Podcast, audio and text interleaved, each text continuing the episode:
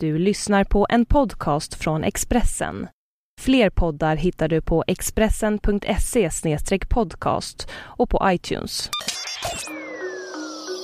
Det här är Expressen Dokument om konstplundraren Hermann Göring av Anders Rydell som jag, Johan Bengtsson, läser upp. Under andra världskriget plundrade nazisterna miljontals konstverk över hela Europa. Framförallt från den judiska befolkningen. I förra veckan avslöjades att man nyligen hittat över 1400 konstverk hemma hos sonen till konsthandlaren Hildebrand Gurlit som arbetade för nazisterna. De allra främsta konstverken som nazisterna beslagtog tillföll Adolf Hitler och skulle visas på det planerade Führermuseet i Linz.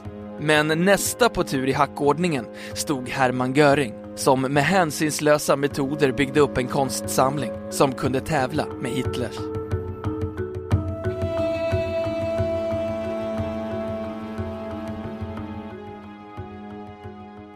Den 4 maj 1945 intog 101 amerikanska armédivisionen den bayerska kurorten Berchtesgaden, nazisternas eget semesterparadis. Här låg Hitlers bergsbostad Berghof och även andra ledande nazister som Martin Bormann, Hermann Göring och Albert Speer hade semesterhus i Berchtesgaden. Strax innan soldaterna nådde fram till ortens tågstation utspelade sig en märklig scen. Hundratals bybor strömmade från ett tåg som myror, bärandes på arabiska mattor, antika skulpturer, möbler, renässansmålningar och champagne. De var i färd med att plundra Hermann Görings konstsamling, inhyst i ett av hans tåg. En närvarande tysk polis försökte jaga iväg plundrarna genom att skjuta i luften. Tåget hade under Tredje rikets sista dagar tagit sig ner genom det sargade och sönderbombade Nazityskland med en ovärderlig last. Tredje rikets näst mäktigaste man hade byggt upp en av världens främsta privata konstsamlingar. Han ägde i slutet av kriget närmare 1400 målningar, 250 skulpturer och 168 antika gobelänger, 200 antika möbler, 60 persiska och franska mattor och 75 glasmålningar, varav en hel del från medeltiden. Dessutom ägde han över tiotusentals värdefulla böcker, kartor och manuskript. Konsten på tåget kom från Hermann Görings utrymda jaktgods utanför Berlin, Karinhall. När Sovjetunionens röda armé närmade sig huvudstaden våren 1945 hade Göring beordrat att godset, som var överfullt av konst, skulle utrymmas. Inget skulle lämnas åt Stalin. Därefter minerades Karinhall av ingenjörer och sprängdes. Hermann Göring hade med hänsynslösa metoder byggt upp sin konstsamling sedan 1930-talet. Han var i själva verken en av de första nazisterna som i större skala började bygga upp en konstsamling. När Hitler köpte sina första tavlor med hjälp av royaltyn från Mein Kampf i mitten av 30-talet hade Hermann Göring redan ett organiserat konstsamlingsprojekt med agenter över hela Europa och en sekreterare som koordinerade inköpen. Göring skulle själv komma att utse flera av de konsthandlare som fick möjlighet att sälja konst som hade beslagtagits av nazisterna. Framförallt sålde de konst av moderna konstnärer som av nazisterna betraktades som degenererade. Till de som utsågs av Göring hörde Hildebrand Gurlitt, den konsthandlare hos vars son tyska myndigheter nyligen fann över 1400 konstverk som härrör från nazitiden.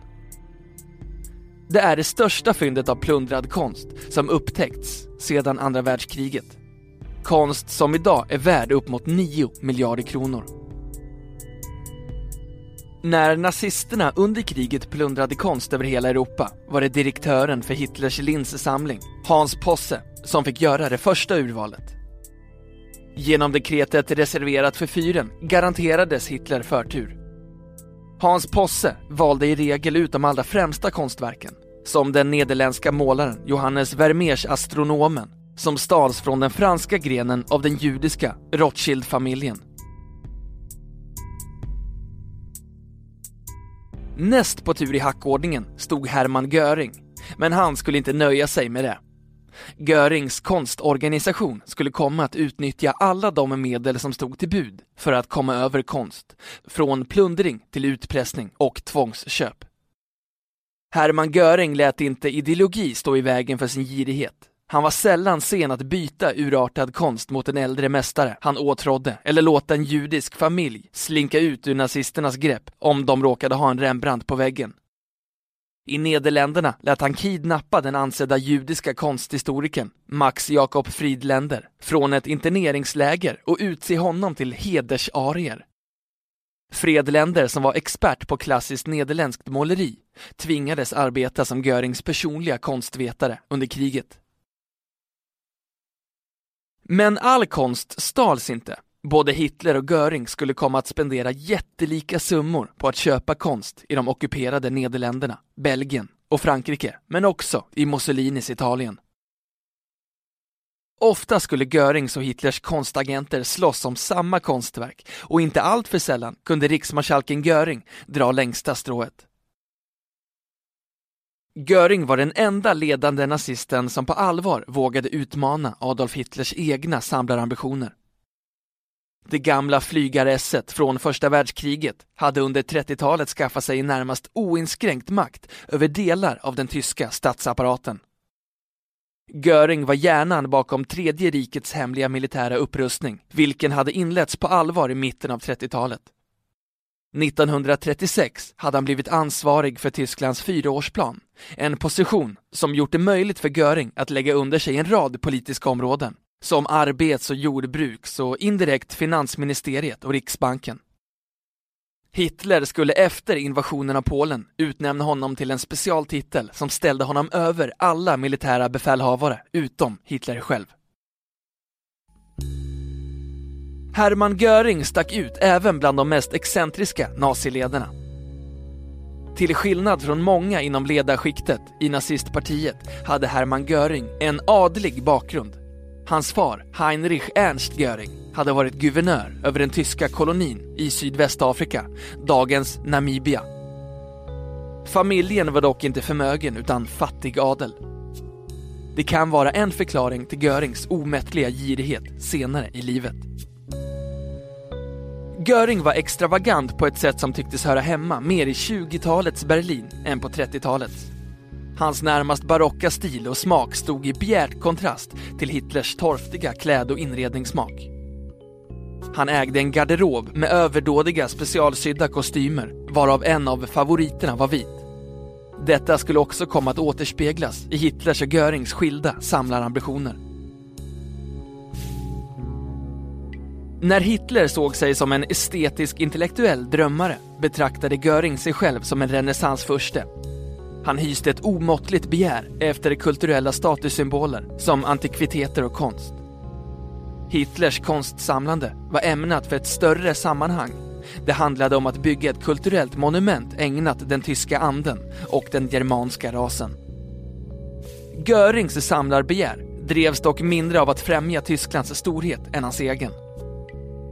Hermann Göring delade inte heller Hitlers intresse för tyskt 1800-talsmåleri eller ambitionen att försöka väcka liv i en ny germansk konströrelse.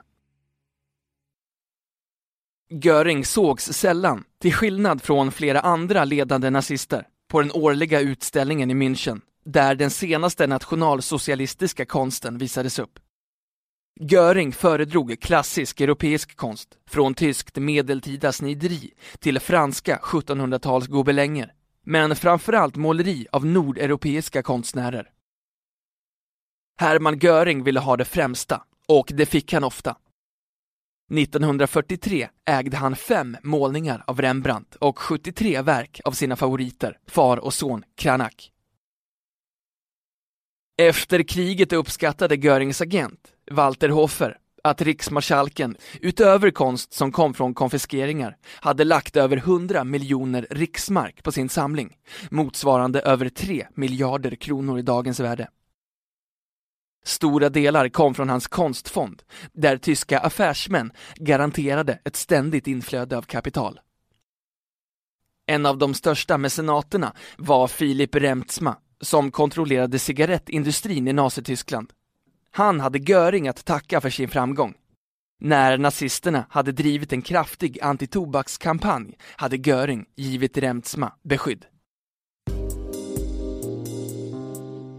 Hermann Görings girighet gick även ut över hans anställda. Ett återkommande förfarande var att frysa sina medarbetares löner och arvoden och mer eller mindre motvilligt omvandla dem till gåvor i form av konstverk som gick till honom själv. Till skillnad från Adolf Hitler, som skötte sitt samlande via agenter, skulle Göring personligen resa till Paris och Amsterdam vid återkommande tillfällen för att inspektera konfiskerade konstsamlingar och gå ut på gallerirundor. En viktig del av nazisternas ekonomiska utsugningspolitik var att man i de ockuperade länderna undervärderade den lokala valutan gentemot riksmarken, vilket gjorde det mycket fördelaktigt att handla.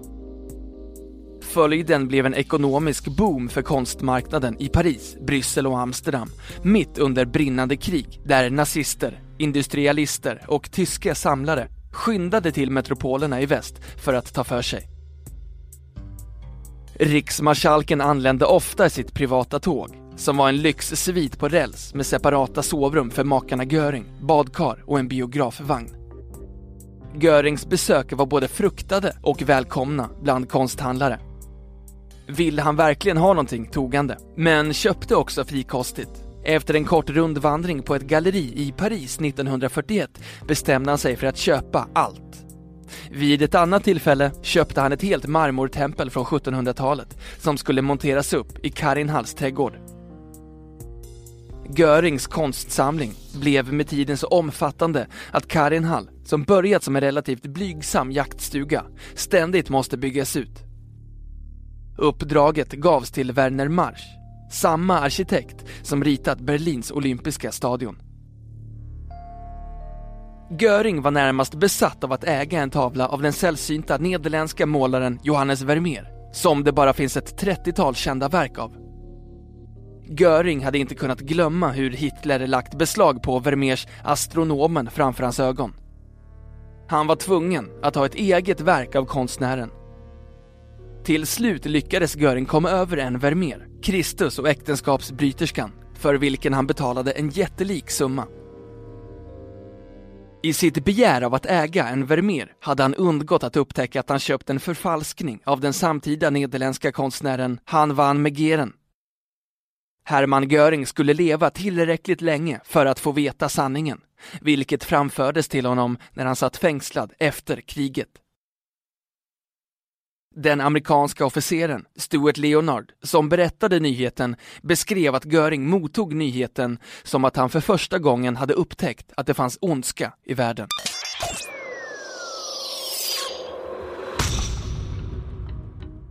Du har lyssnat på en podcast från Expressen. Ansvarig utgivare är Thomas Mattsson. Fler poddar finns på Expressen.se och på iTunes.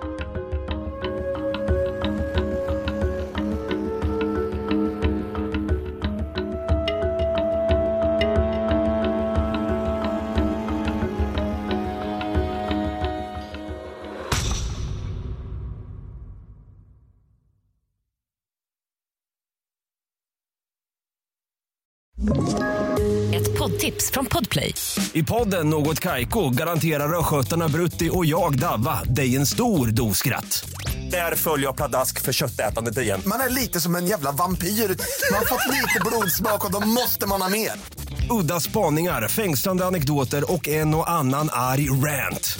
Jag måste ha mitt kaffe på morgonen för annars är jag ingen trevlig människa. Då är du ingen trevlig människa, punkt. Något Kaiko, hör du på Podplay. Därför arkadeinerna.